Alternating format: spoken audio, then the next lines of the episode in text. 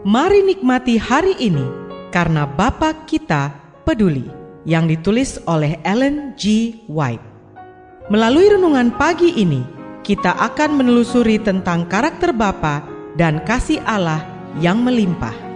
Bersama Pendeta Andre Daimbani, selamat mendengarkan.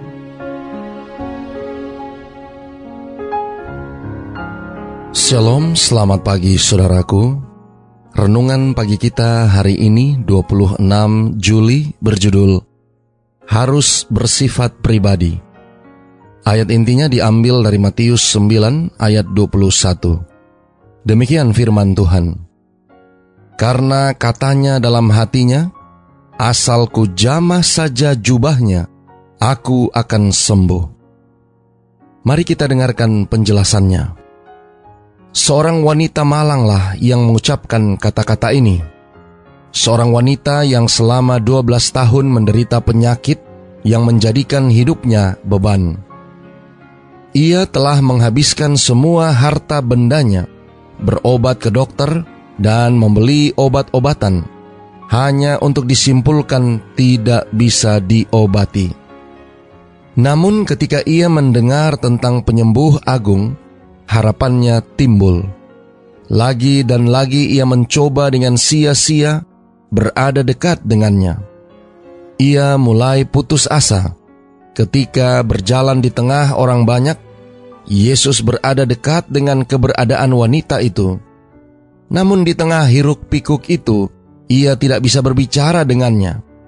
Tidak juga mendapat lebih dari sekilas pandang sosok tubuhnya. Saat Yesus lewat, ia menjangkau ke depan dan berhasil menyentuh ujung pakaiannya. Namun saat itu juga ia mengetahui kalau ia sudah sembuh. Dalam satu sentuhan itu terpusatlah seluruh iman dalam hidupnya.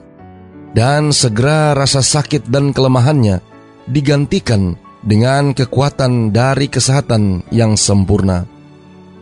Dengan hati bersyukur, ia kemudian menarik diri dari keramaian.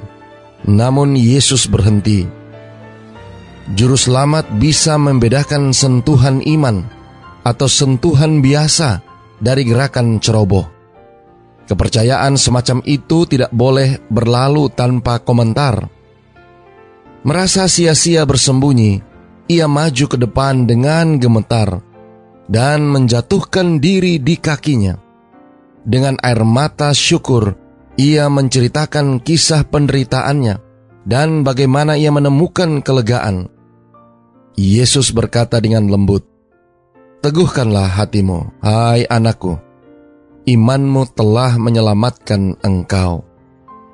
Ia tidak membiarkan kesempatan bagi berkembangnya tahyul tentang kesembuhan oleh karena sentuhan saja pada pakaiannya, bukan karena sentuhan bagian luar dari dirinya, namun melalui iman yang berpegang pada kuasa ilahinya, maka kesembuhan terjadi. Saudara-saudara yang kekasih di dalam Tuhan, begitu pula dalam hal-hal rohani. Berbicara tentang agama dengan cara santai, berdoa tanpa kerinduan jiwa dan iman yang hidup, tidak menghasilkan apa pun. Suatu pengakuan iman dalam Kristus yang menerima Dia sekedar sebagai juru selamat dunia tidak akan pernah membawa kesembuhan bagi jiwa. Tidak cukup percaya tentang Kristus, kita harus percaya di dalam Dia. Satu-satunya iman yang akan menguntungkan kita adalah yang merangkul Dia sebagai juru selamat pribadi, yang membuat kebaikannya cocok untuk kita. Doa kita hari ini, Bapa terima kasih. Melalui renungan pagi ini, kami boleh belajar tentang satu pelajaran yang sangat bermanfaat bagi kerohanian kami. Terima kasih melalui renungan pagi ini kami boleh melihat pengalaman seorang wanita yang disembuhkan hanya melalui jamahan iman kepada jubah Kristus. Tolong kami hari ini Bapa, biarlah dengan pertolongan kuasa roh kudusmu akan menolong masing-masing kami untuk mengamalkan kehidupan agama kami, cara kami berdoa, membaca firman, menghidupkan apa yang kami imani dengan sungguh-sungguh, sehingga itu boleh memperoleh kuasa dalam kehidupan rohani kami. Terima kasih Bapa. Inilah doa dan permohonan kami kepadamu. Di dalam nama Yesus kami berdoa. Amin. Bagi saudara yang ingin mempelajari pembahasan ini lebih dalam, saudara dapat menghubungi kami melalui WhatsApp di nomor 08111 62662 9. Selamat beraktivitas, Tuhan memberkati.